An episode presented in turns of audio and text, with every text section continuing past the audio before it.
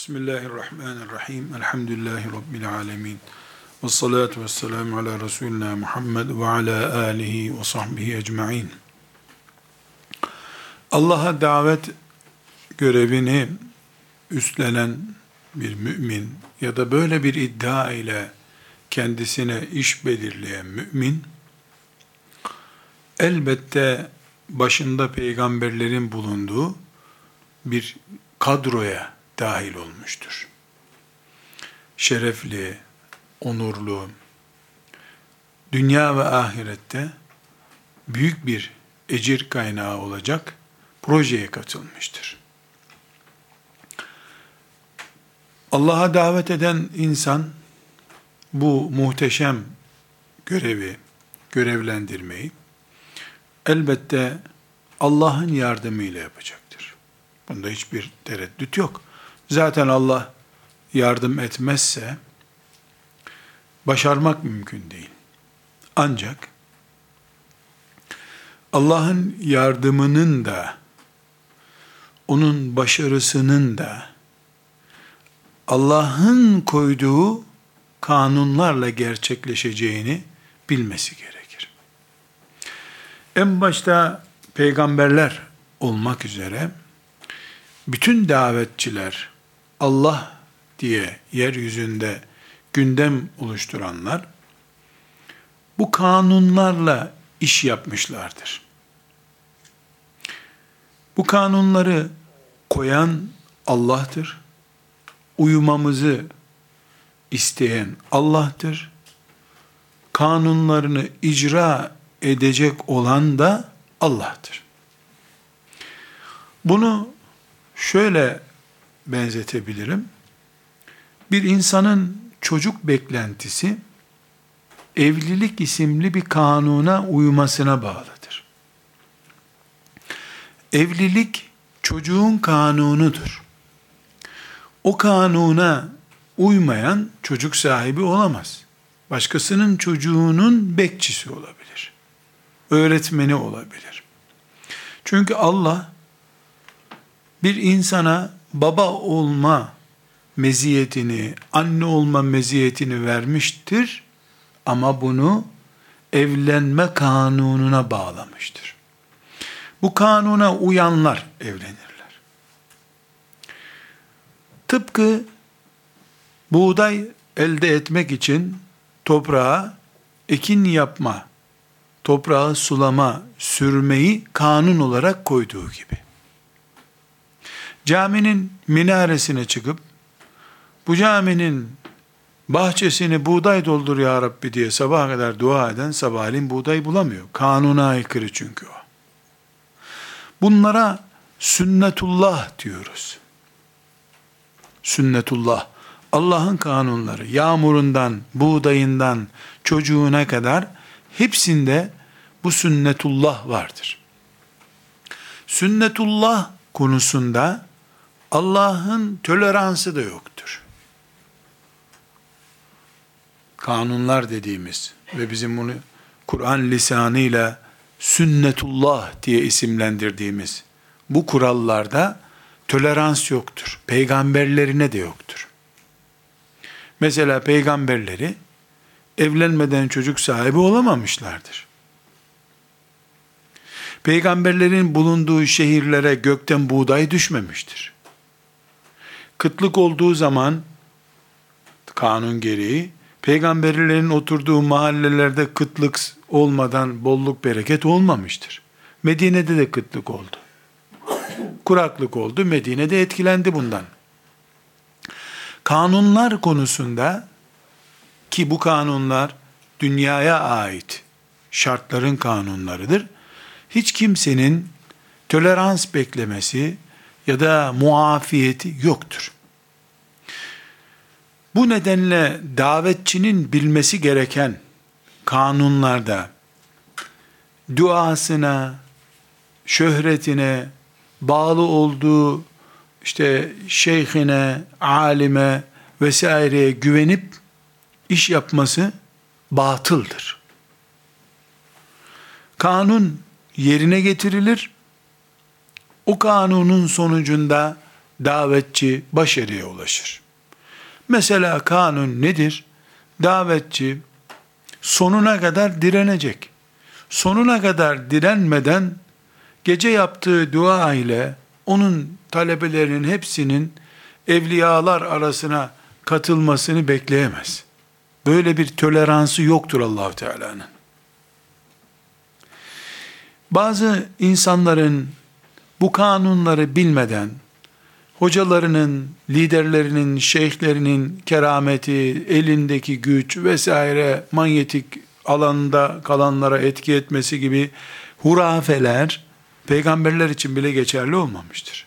Geçerli olsaydı arkadaşlar en büyük kanunlardan birine Ebu Talip takılmıştı. Ne hasret gözyaşları akıttı sallallahu aleyhi ve sellem Efendimiz ama Ebu Talip iman etmedi. Tam aksine Kur'an ne dedi? İnneke la tehdi men ahbebte velakinnallâhe yehdi men yeşâ. Sen istiyorsun diye iman etmeyecek insanlar. Allah hidayet edince iman edecekler. Allah'ın hidayet etmesi için de kanun onun istemesidir. Ebu Talip hala kadınlar ne der arkamdan mahalle baskısından kurtulur muyum diye düşünürken Allah ona hidayet nasip etmedi. Çünkü asıl gaye onun teslim olması, böyle bir istek içinde olmasıydı. Bu isteği yerine getirmeyince Allah da onun kapısını açmadı. Kapısını açmayınca Peygamber aleyhisselamın onca yalvarmasına, dualarına, mübarek gözlerinden yaşlar akıtmasına rağmen Ebu Talip imanla şereflenemedi. Kanunlara takıldı. Halbuki e, çok enteresan bir örnek arkadaşlar. Bir davetçi olarak size lazım bu. Ebu Bekir radıyallahu anh'ın Efendimiz sallallahu aleyhi ve selleme hizmeti 23 senedir. İki senede Efendimiz'den sonra dinine hizmet etti Efendimiz'in 25 sene.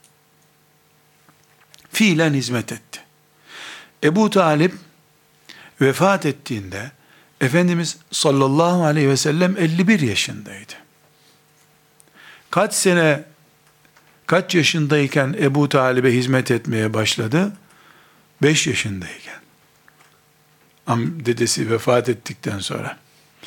Toplam 47 sene en az bir hizmetçi gibi Efendimiz'e hizmet etti. Bu Ebu Bekir radıyallahu anh'ın hizmetinin iki katıdır. Hem defalarca da ölümle karşılaştı.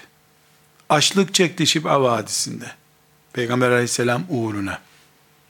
Ama bunların hiçbiri Ebu Talib'in en azından bir imanla şereflenip ahirete gitmesi için yeterli olmadı. Kanuna takıldı çünkü. O kanun Peygamber Efendimiz sallallahu aleyhi ve sellemin hatırı içinde bozulmadı. 40 küsür senelik hizmetin hatırına da bozulmadı. Çünkü Ebu Talib'in kıvılcımı yakması gerekiyordu. Böyle bir arzuyu kalbinde kaynatması gerekiyordu. E, bunu yapmayınca Allah kanunu gereği yalvarmayan kuluna yalvarmadı Allah. Ebu Talib'in yalvarması lazımdı. Ömer yalvardı, aynı şirk bataklığından Ömer oldu geldi. Ebu Talip mahalle baskısına takıldı. Ne der insanlar bu dönüşümü nasıl karşılarlar diye takıldı. Davetçi Allah'a davet eden, toplumları İslamlaştırma, şeriat eksenine getirme mücadelesi yapan davetli, davetçi bilecek ki belli bir kanunlar var. Bu kanunların etrafında çalışmaktadır o. Ve bu kanunlarda hiç kimseye muafiyeti yoktur allah Teala'nın. İbrahim Aleyhisselam'a muafiyet gösterebilir miydi? O kadar sevdi İbrahim Aleyhisselam'ı ama Azer babası putperest olarak ahirete gitti. İbrahim'in hatırına bir şey yapmadı Allah. Çünkü İbrahim'in babası içinde, Nuh'un oğlu içinde, Lut'un karısı içinde muafiyet yoktur. Bu muafiyet yoktur. Kanunlar önünde herkes kanundur. Kanuna tabidir. Bunu biliyoruz. Ama bir nokta dikkatimizi çekmeli. Bu verdiğimiz örnekler, kaç tane isim zikrettik. Hemen hemen hepsi peygamber isimlerinden konuştuk. Bu kadar büyük isimler, e, İbrahim, Nuh, Lut, e, Muhammed sallallahu aleyhi ve sellem, bütün bu isimlere dikkat edelim. Hep bir numara isimler, Allah'a yakın isimler.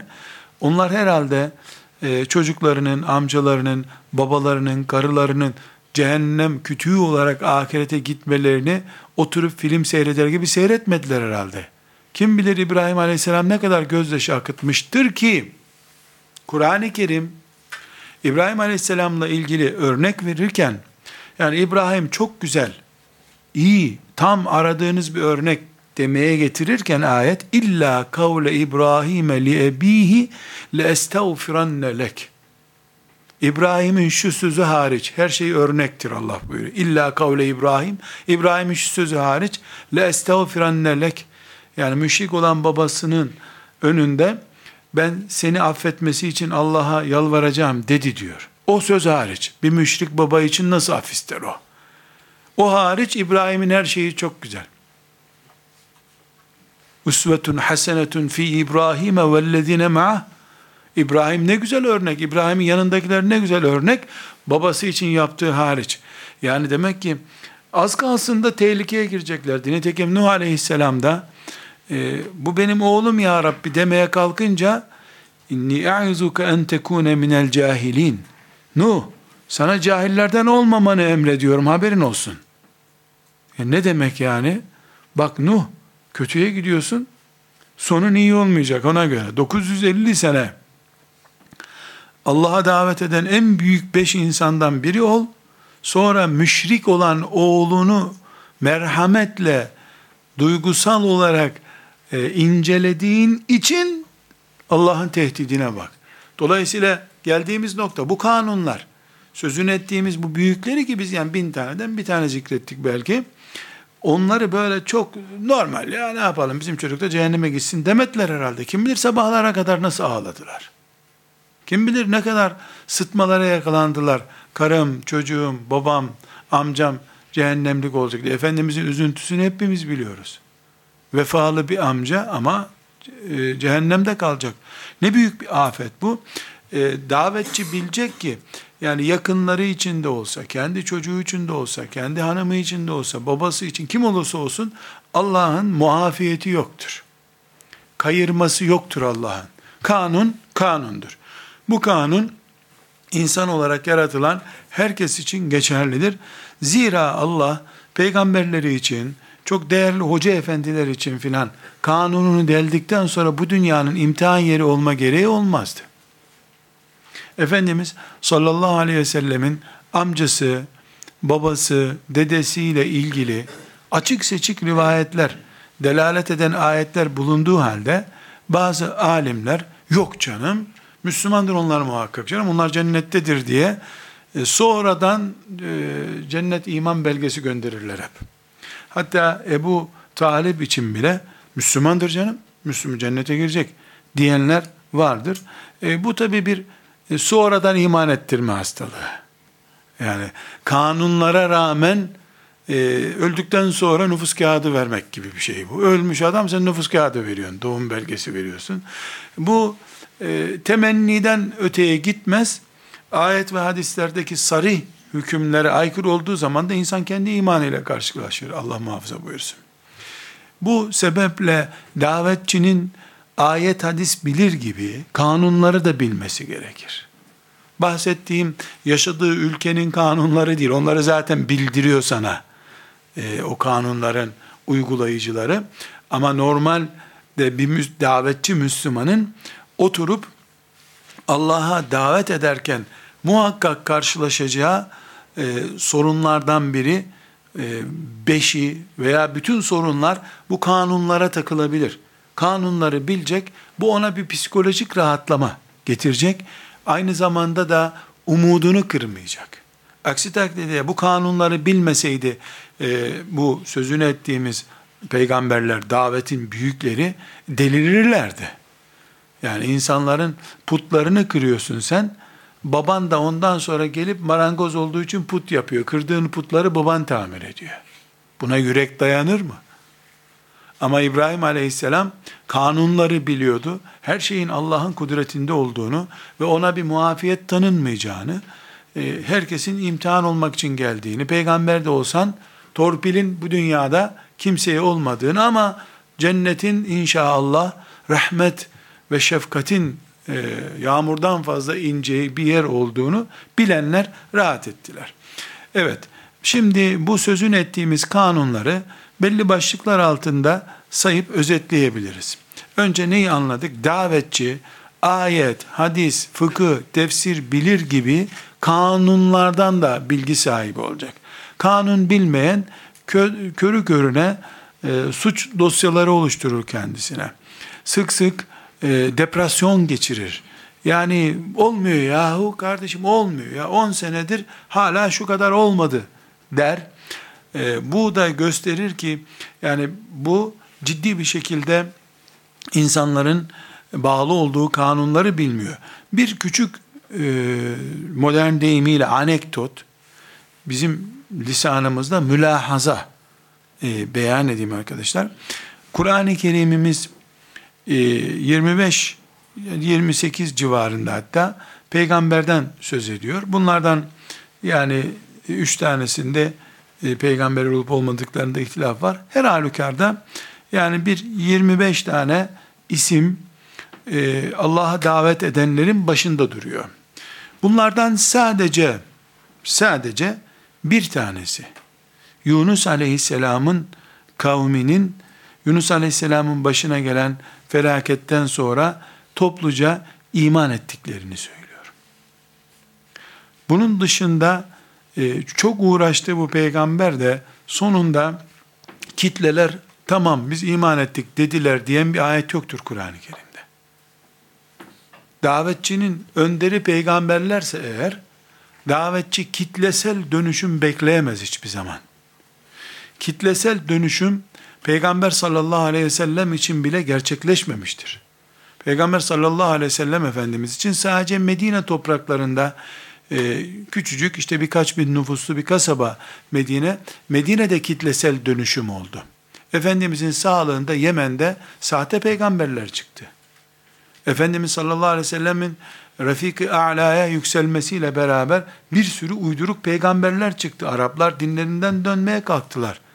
Allah Ebu Bekir'den ve Halid'den razı olsun pırasa doğrar gibi doğrayınca e, akılları başlarına geldi. Yoksa Ebu Bekir'in o dirayeti, Halid İbni Velid'in de jilet gibi kılıcı olmasaydı, belki İslam bugünlere gelmeyecekti. Allah ne sebep yaratacaktı bilmiyoruz ama o sebep onlar yaratıldı işte. Yani bugün davetçi bir insan bin kişilik bir salona girecek, e, üç kişi orada namaz kılıyorlardı, çıkarken e, bin kişi de namaz kılacak. Bunu beklemez bir davetçi. Bin kişi kılsın ister, bir kişi kılmasa bile yoluna devam eder. Davetçi budur. Çünkü peygamberler bu kadronun en büyükleridirler. Onların da e, siyaseti buydu. Moralsiz kalmadılar. E, kuru avuntu içerisinde hiçbir zaman olmadılar. Aleyhimusselam cemiyan. Birinci kanun arkadaşlar, bu kanunları madde madde yazabiliriz. Birinci kanun sebep kanunudur. Sebep kanunu ne demektir? Yani bu insan önünde hoca bulacak. Bu bir sebeptir. E, tıpkı evliliğin çocuğun sebebi olduğu gibi. E, işte senin buna ders vermen, ayağına gitmen, neyse artık bir iletişim kurman, kontak kurman diye isim isim vermekte serbestiz. Ee, bir sebep kanunu var Allah'ın. Davetçi hidayetin sebebidir. Eğer davetçi bir görev aksatması yaparsa sebebin yani kanunlardan birinin kopmasına neden olur. Bu sebeple evinde oturan ya da emekli olduğunu zanneden ya da bugün işim var diye bir mümine ulaşma görevini ihmal eden davetçi Allah'ın kanunlarından bir kanunun bozulmasına neden olmaktadır. Bu benim görevim değil canım. Beni derse çağırdılar ama ben e, çok meşguldüm gidemedim demek Allah'ın önünde bir özür değildir. Ya Ben davetçi değilim. Ben kendim cennete girerim. Kimsenin cennetine de karışmam diyenlerden olacaksın. Yahut da ben davetçiyim diyorsan uyku sana haram olacak. Sen oturup çocuklarınla yemek yemeye fırsat bulamayabileceksin. Çünkü davetçi hidayetin sebeplerinden bir sebeptir. Allah onu tıpkı peygamber gönderir gibi nasıl Araplara Muhammed aleyhisselamı gönderdi, seni de bulunduğun diyarın davetçisi olarak gönderdi. Peygamberlerin e, çok yoruldum ben, ümmetimi başkası idare etsin diye bir görev bırakmaları, emeklilikleri oldu mu? Yok. 950 sene emekli olamadı. Dolayısıyla davetçi emekli olamaz. İhtiyarlar konuşamayacak hale gelir, kulağı duymaz, ameliyatlar olur, işini bırakmaz. Hastaneye ziyaretine gelince e, hasta çocuğa bile yavrum senin ağzın sigara kokuyor Allah'tan kork sigara içme diye nasihat eder Ömer gibi. Davetten emekli olunulmaz. Çünkü Allah seni son nefesini verinceye kadar hidayetin sebebi olarak yaratmıştır. Sen görevinden el çektiğin zaman kendine emekliydi, şuydu, buydu bir isim uydurduğun zaman bile bile ortaya çıkacak bir hatanın suçlusu olarak kıyamet günü dirileceksin sen. Davetçi hidayetin sebebidir. Sebeplik kanunu onun üzerinde tecelli etmektedir. Tıpkı çocuğun olması için senin e, bir e, evlilik gerçekleştirmen Allah'ın kanunlarından bir kanun olduğu gibi işte toprağa attığın buğday tohumunun ancak sulanırsa e, buğday başağı olacağının bir kanun olarak belirlendiği gibi Allah Teala bunu da yani davetçilerin bulunmasını da Allah'a davet edenlerin emri bil maruf ve nehyanil münker yapanların e, bulunmasını ve bunlardan insanların etkilenip İslam'a, Allah'ın şeriatına teslim olmalarını da kanun olarak koymuştur. İkinci kanun da e, Allahu Teala'nın bir hidayet ve dalalet kanunu vardır. Yani bu dünya müminlerin ve kafirlerin dünyasıdır. Sadece kafirlerin dünyası olmadığı gibi sadece müminlerin dünyası da değildir dünya. Yani gündüz ve gece gibidir müminlerle kafirler. Sadece gecelerin bulunduğu bir dünya olmayacağı gibi, sadece gündüzlerin bulunacağı bir dünyada olamaz. Müminlerin tek başına kaldıkları bir dünya, bitmiş dünyadır. Bu bir kanundur. Ve bu kanunun muafiyeti Efendimiz sallallahu aleyhi ve sellem için bile yoktu dedik. Efendimiz için de böyle bir muafiyet olmadı. Hiçbir zaman hiç kimse için de olmayacak. Dolayısıyla bu kanunu bilen bir davetçi, ya bu kafirler ne kadar da azdılar demez hiçbir zaman.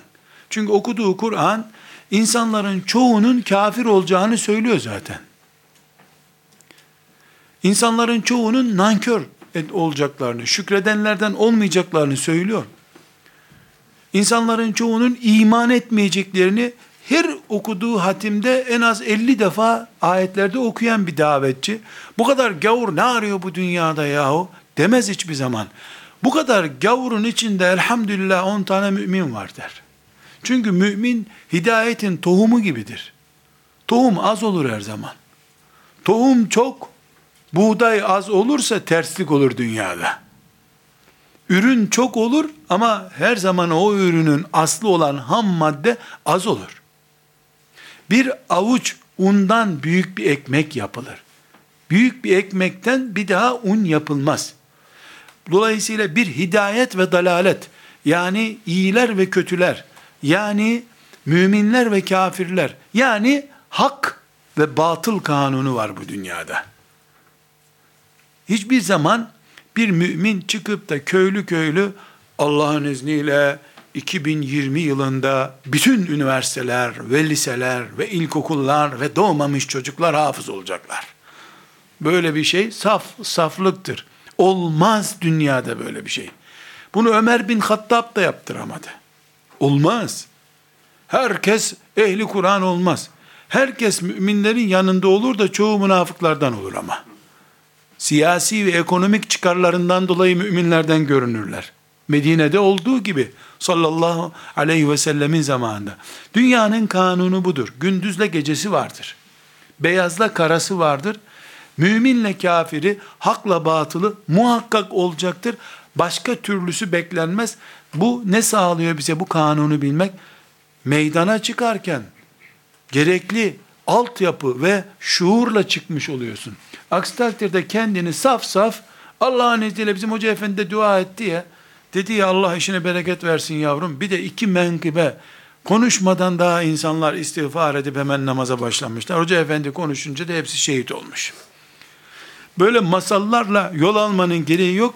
Efendimiz konuştu sallallahu aleyhi ve sellem insanlığın efendisi Cebrail'in sultanı konuştu. Ne dediler? Bu adam ne anlatıyor? Mâzâ kâle ânife. Ne anlatıyordu demin bu adam? Bu adam demin ne anlatıyordu? Bu sözü söylediğinde Hendek gerçekleşmişti. Veya Uhud gerçekleşmişti. En azından Bedir gerçekleşmişti. Yani muzaffer bir liderdi Resulullah sallallahu aleyhi ve sellem. Onlara ayet okudu. Mâzâ kâle ânife. Demin ne anlatıyordu bu adam diye alay ettiler. Dolayısıyla şimdi bir şeyh efendi çıktı. Daha konuşmaya başlamadan insanlar günahlarını döktüler. O konuşmayı yaparken de hepsi melek olup uçtu gittiler zaten. Bu masaldır. Kele olan masallarında olur. Hidayet ve dalalet kanunlarının cari olduğu dünyada böyle bir şey olamaz. O zaman Allah Teala peygamberine bunu ihsan ederdi. O kadar da yormazdı o sevdiği peygamberin. 50 kere belki söyledi. Belki 100 kere söyledi de gene meza kâlâ hanifâne anlatıyor bu adam dediler. İstihza eder gibi. Sen bizim kulağımızsın dediler. E, istihza ettiler. E Kur'an'dan bunları okuyoruz. Hikaye kitaplarından okumuyoruz. Davetçi böyle bir peygamberin aleyhissalatü vesselam yoluna devam edecek. Ondan sonra e, gelecek diyecek ki ben konuşunca eriyor bütün herkes. evet bir şey diyeceğim ama mikrofonun önünde diyemeyeceğim onu. Eriyor da nasıl eriyor diyeceğim onu ben şimdi. Üçüncü kanunumuz sürtüşme kanunudur. Bir sürtüşme kanunu Allah'ın kanunudur. Velev la velev la def'ullahi Allah sürtüştürmeseydi sizi hem Bakara suresinde hem Hac suresinde allah Teala e, bir sürtüşme kanunundan söz ediyor. Eğer bu sürtüşme kanunu olmasaydı, yani hangi sürtüşme? Hak var, batıl var. İyiler var, kötüler var. Ama burada çok enteresan, ayet bize neyi hatırlatıyor? İşte kötüler ve kötülüğün başı olan iblis, la'anehullah ve diğer adına Siyonizm ne derseniz deyin siz. Yani ha iblis ha Siyonizm bir şey değişmiyor. Kimse bu. Adı önemli değil. Her asırda adı değişebilir. Veya internettir adı. Veya teknolojidir. Adı önemli değil. Adı ne olursa olsun batıl var ve bu batıl akşamları çalışıp pilini şarj edip gündüz piyasaya çıkan bir canavar değildir. Sana sabaha kadar iman takviyesi yaptığı gibi Allah ona da batıl pilini takviye ediyor. Aksi takdirde lehuddimetis savami' Aksi takdirde ibadethaneler bile helak olurdu Allah buyuruyor. Yani mümine cenneti vaat ettiği gibi Allah, mümin cennetin peşinde koşup cihad ettiği gibi, kafire de bir dünya tamahı veriyor. Kafir de cenneti zannettiği dünya uğruna şehit oluyor. Onun da şehadet bize ait bir kavram. Onun nazarında da odur şehitlik. Bu aptal ne güne dolaşıyor lan ahireti yok diyorsun. E ahireti dünya o adamın. Evi, bahçesi, villası, koltuğu, siyaseti, belediyesi, muhtarlığı ne varsa elinde cenneti o adamın. Niye bıraksın ki cennetini? Bir mümin ya yeter bu kadar cennet için çalıştığımız diyor mu hiçbir zaman? Yaşlandıkça, hızlandıkça cennet sanki yoktu dün bugün çıktı gibi hızlanıyor mümin. Her gün artıyor imanı. Kafirin de cenneti bu koltuğu, parası, şehveti onun cenneti. her gün biraz daha hızlı ve biraz daha berbat bir şekilde e, onun karşısına bir heyecanla çıkması çok normal. Bu sebeple Allah e, mümin kullarını cennet heyecanıyla her sabah sabah namazında kurup meydana çıkarıyor. Kafir kullarını da küfür heyecanıyla doldurup çıkarıyor. Resmen kaç ve yakala diyor. Kaç ve yakala diyor. Kafire kaç müminin elinden diyor. Mümine de yakalayacaksın bunu diyor. Çünkü kafir veya mümin herkes Allah'ın huzurunda imtihan olmak için vardır. Herkese bir rol biçmiştir Allah. Seç, seç bir tarafı demiştir.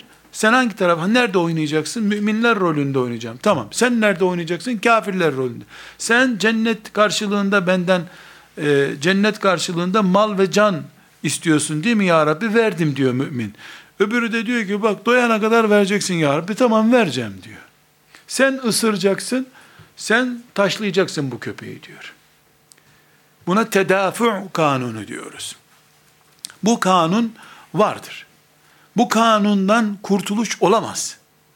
Birisi kalkıp inşallah bizim grubumuz müthiş çalışıyor. 2050 yılına gelindiğinde hiçbir kafir kalmayacak. Hepsi iman edecek, secdelere kapanacak diyen, yani biz geceleri kaldıracağız elektrik masrafı olmasın diye bundan sonra dünyada hep gündüz olacak diyen gibidir. Yani elektrik masrafını kaldıracaksın sonra ne olacak? Geceleri nasıl kaldıracaksın? Güneşi durdurman lazım. Hep senin bahçene ışık versin diye.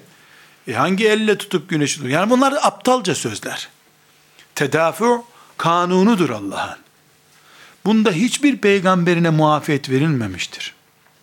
Mucize olmuştur bir saniyeliğine, bir dakikalığına.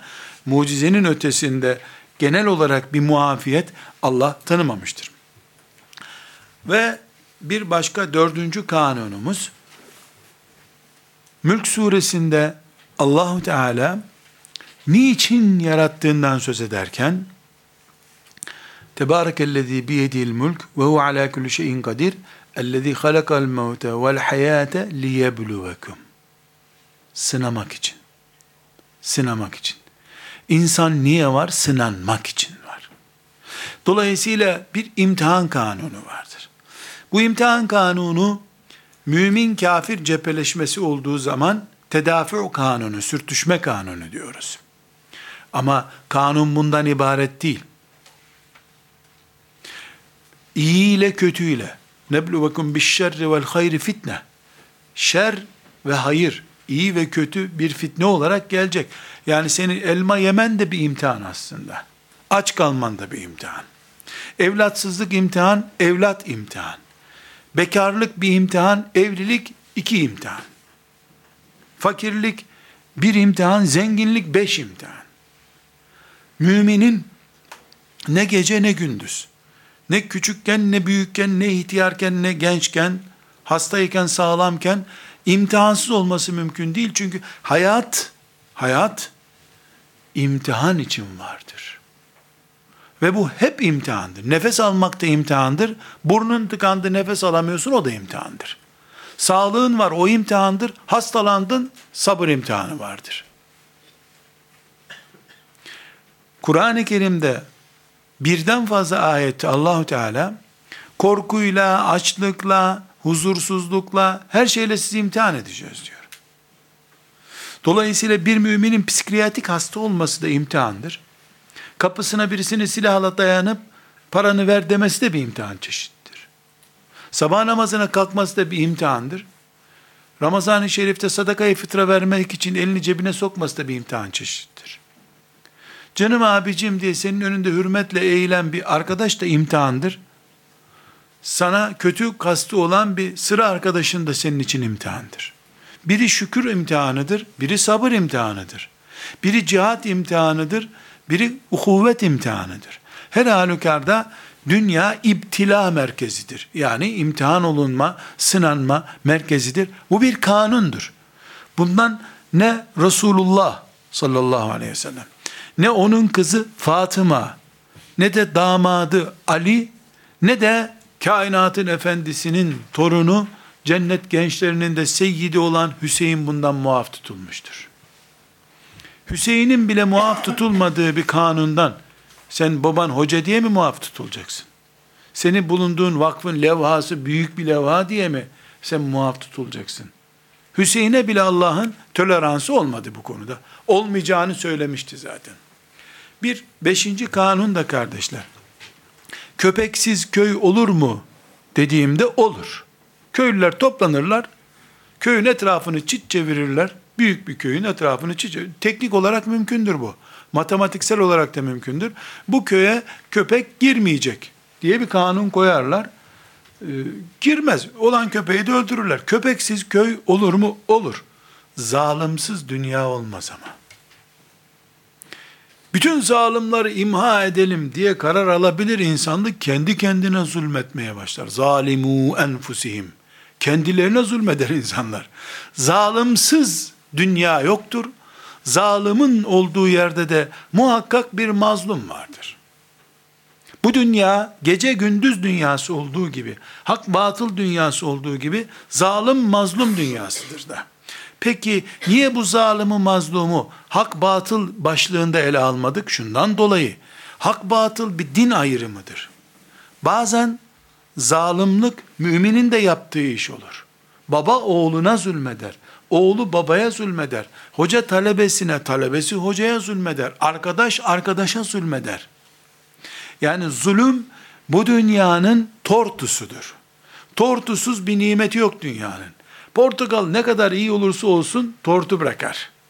Çekirdeksiz olmuyor hiçbir şey. Bu nedenle bu dünyada insanların imtihan oldukları Allah'ın önlerine çıkardığı en büyük sıkıntılardan birisi müminlerin zulüm görmesidir.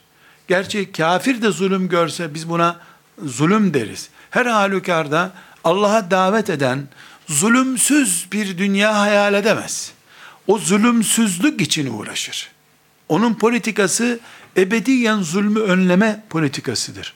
Ama hiçbir zaman doktorların çok iyi çalışması hastalığı önlemediği gibi ama doktorluğun hastalık için acil bir tedbir olarak hep bekleyeceği gibi hiçbir zaman insanlıkta zulümsüz bir dünya hayal edemez. Davetçi doktor gibidir. Yani iyileştirmeye, zulmü kaldırmaya uğraşır. Ama zulüm insanların hep birbirini dövmesi değildir ki. Sabah namazına kalkmayan da kendine zulmeden bir zalimdir.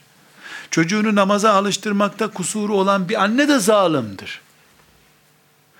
Cep telefonu ile meşgul olduğu için talebenin vaktini meşgul eden ya da dikkatini dağıtan hoca da zalimdir. Arkadaşları ders çalışırken ikide bir esneyerek arkadaşının da uykusunun gelmesine, dikkatini dağılmasına sebep olan talebe de zalimdir. Yani zulüm dünyanın ürettiği bir tortudur. Bu tortuyu insanlık günün birinde kaldıramaz. Azaltırsın. Elinde kırbaçıyla Ömer dolaşıyorsa zulüm sıfırlara yakın bir rakama gelir. Ama hiçbir zaman sıfır olmaz. Ömer'in döneminde sıfır olsaydı bir zalim Ömer'i öldürmezdi. Ömer sıfırlayamadı demek ki bunu. Sıfırlanmaz. Tabiata aykırı bu. İnsan bünyesine aykırı. Hırs dolu, şehvet dolu bir insan var yeryüzünde. Mümin de olsa karısınınla, kocasınla, çocuğunla bir sorunu olacak muhakkak. Dolayısıyla davetçi zulüm yüklü ve zulüm üreten, tortu olarak sürekli zulüm ifrazatı yapan bir dünyada iş yaptığını bilecek. Aksi takdirde davetçi aldanır. Ha, peki böyle bir dünyada pes etmesi mi gerekiyor davetçinin? Asla pes etme yok. Pes etme değil bu. Çalışacağı alanı biliyor. Mümkün olduğu kadar aşağıya çekmeye çalışır zulüm oranını. Bir günde 10 zulüm vakasıyla karşılaşma yerine 3 vakayla karşılaşayım diye uğraşır. Sıfır olsun ister, olmamasına hazırdır ama. Davetçilik bu anlama geliyor. Burada tabi e, zulmün kademeleri var arkadaşlar. Çocuğunu döven baba zalimdir. Eşine zulmeden baba zalimdir. Ama birisinin kolunu kıran biraz daha büyük zalimdir.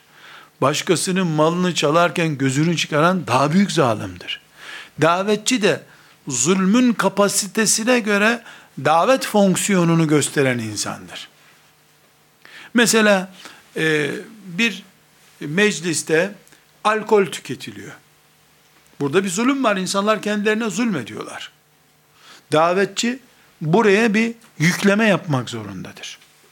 Birileri içki içiyor. Üç kişi oturmuş şarap içiyorlar. Üç kişi de birleşmiş bir çocuğu dövüyorlar. İkinci sokakta. Buradaki kendilerine mahsus bir zulüm. Kendi kendilerini yakıyorlar bunlar. Bu tarafta ise bir insan heder ediliyor. Dolayısıyla davetçi buraya beş potansiyel yüklü bir e, salgılama yapacaksa buraya 55 yapması lazım. Çünkü burada can tehlikede. Bir insana zarar veriliyor. Bunlar kendileri cehenneme kayıyorlar. Bunlarla da ilgilenmek zorunda ama öncelik tercihi yapar. Davetçinin bir öncelikli diye bir sorunu olur. Enerjisini her gittiği yere 5 kiloluk bir paket bırakmaz. Mesela şöyle düşünün, bir vakıf görevlisi yardım ediyor. Bir evin kapısını çalıyor. Selamünaleyküm aleyküm sen biz vakıf olarak size yardım etmeye geldik. Kim var bu evde? Yedi tane yetim, üç tane yaşlı ihtiyar, iki de amca kalıyoruz burada işte. On bir nüfusuz. İyi alın bir kilo pırasa size. Öbür evi çalıyor. Selamun aleyküm aleyküm selam. Kimsiniz? Ben bir dul kadın burada oturuyorum. Al sana da bir kilo pırasa yardım diyor. Böyle bir iyilik olmaz ki. Bu o pırasayı yiyemeyecek. Buna 100 gram lazımdı. Öbürlerinin dişinde çöp olmayacak bu. Bu adaletsizliktir. Çalışan davetçi, Allah diye yola çıkan davetçi, nerede hangi enerjiyi harcaması gerektiğini iyi bilir. Mesela bir davetçi, e, güzel nezaketli konuşma üzerine 100 tane seminer vermelidir. Efendim denir, buyurun denir. Peygamber nazik konuşurdu. Mesela kapı çalma adabı. Çok önemli bir konu. Sünnette yeri var bunun. Selam verme adabı. E dinimizle ilgili bir konu. Ama internetin insanların ruhu, imanı haline geldiği bir dünyada selam konusuna vakit bulamamalıdır. Selam üçüncü, dördüncü konu. Kapıyı çalma adabı yirminci konu artık. Çünkü karşındaki nesil fuhşa doğru son süratle gidiyor. İman gidiyor. Davetçi zulmün bulunduğu bir dünyada zulme renk bulmak zorundadır. Filistin'de Yahudinin Kudüs'ü işgal etmesiyle Yemen'de bir köyü birilerinin işgal etmesini aynı tutuyorsa o adam davetçi değil, seyircidir. Film seyrediyordur o. Kudüs'e denk neresi var ki dünyanın? Sen ikisinin de aynı konu göreceksin. Evet. Altıncı kanunumuz bu dünyada ihtilaf vardır. Yani görüş ayrılığı vardır. Bir evde anne baba dört çocuk varsa altı görüş var demektir. Baba yapan bir baba ise e, anneyi ezmiştir, çocuklardan ikini ezmi, ikisini ezmiştir, dört görüştür o zaman. Bu kainatta her insan kendi başına bir görüş demektir. وَلَوْ شَاءَ رَبُّكَ لَجَعَلَ النَّاسَ اُمَّةً وَاحِدَةً وَلَا يَزَالُونَ مُخْتَلِف۪ينَ Dileseydi Allah, insanları tek kalıp yaratırdı da, tartışmazlardı aralarında. Ötemmet kelimetu rabbik. Ama Allah'ın kanunu bitmiştir. İhtilaf diledi Allah. İhtilaf, herkesin farklı düşünmesi rahmettir. Hangi rahmettir ama? Herkes farklı düşündüğü için e, buğday ekmeğinin yerine kepekli ekmek üretiyor birisi. Başka birisi mısır ekmeği üretiyor. Yoksa hep buğday ekmeğine mahkum olurduk. Farklı düşünme, hep mezhepler konusunda bu rahmeti telakki ediyoruz. Yani fıkıh mezheplerinde ihtilaf rahmettir diyoruz. Çok basit bir algılama o. Hayır, hayatın tamamında bir ihtilaf vardır ve bu bu ihtilaf Allah'ın kanunudur. Davetçi bilecek ki benim herhangi bir şekilde bu ihtilafı önlemem mümkün değildir. Yani bir hoca efendi bir davetçi işte cübbesini çıkıyor. Herkes onun hayatında, ölümünde ittifak ediyorlar. Kardeşim, kainatın efendisinin önünde ashab-ı kiram sen ve ben dediler. Hucurat suresinde işte. İhtilaf kanundur. Bu kanundan Resulullah sallallahu aleyhi ve sellem ve biricik ashabı bile muaf tutulmamıştır. Davetçi ihtilafı, farklılığı bilecek ve bunu bu kainatın kanunu olarak bildiği için dert etmeyecek kendine. Şu kadar cemaat varmış, bu kadar grup varmış, var, tamam.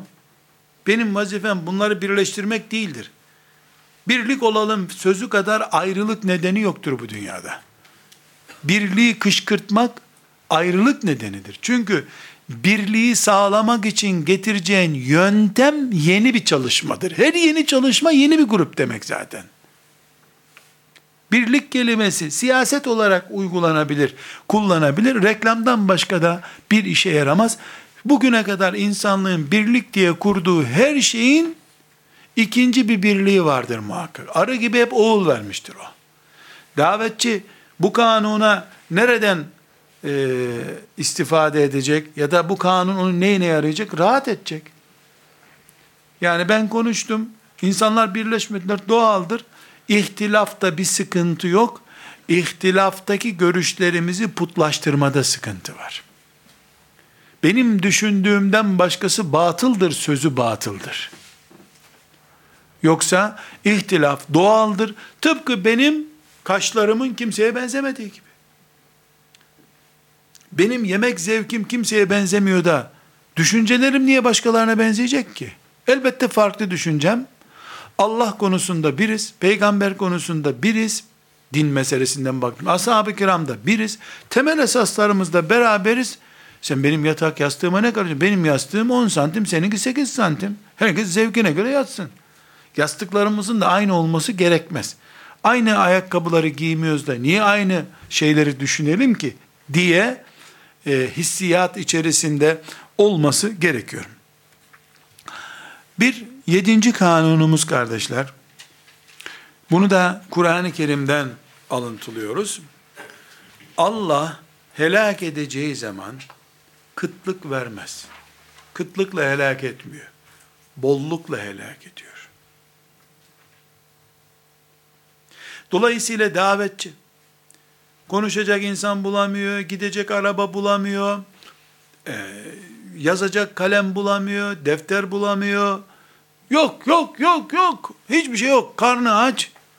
İnsanlık ölecek diye korkmasına gerek yok. Ama bir araba lazım beş tane buluyor. Kalem kutusu kutusuyla. Bir küçük iPad lazım yedi tane bilgisayarı var. Bu bolluk çok kötü. Ve izâ aradna en nuhlike qaryeten emarna mutrafiha fefesekû fiha fehakka aleyhel kavlu fedemmarnaha tedmira. Biz bir yeri helak etmek istediğimiz zaman zengin çocuklarını şımartırız. Zenginler şımarıp azınca kanunumuz yerini bulur. Kanun yerini bulunca fedemmarnaha tetmira yıkar helak ederiz orayı. Dolayısıyla davetçi kıtlıktan korkmaz, bolluktan korkar. Çünkü bir kaşık suda boğulmaz kimse. Okyanusta boğulursun. Nimetler okyanus gibi bol olduğu zaman ürkütücüdür. Bu kanunu bilhassa bu zamanda çok iyi düşünmek zorundayız. Sekizinci kanun dönüşüm kanunudur. Rahat suresinin 11. ayeti çok açık bir kanun koyuyor arkadaşlar. Bu kanunda hatta yugayyiru ma bi enfusihim toplum kendisini değiştirirse Allah değiştirecek.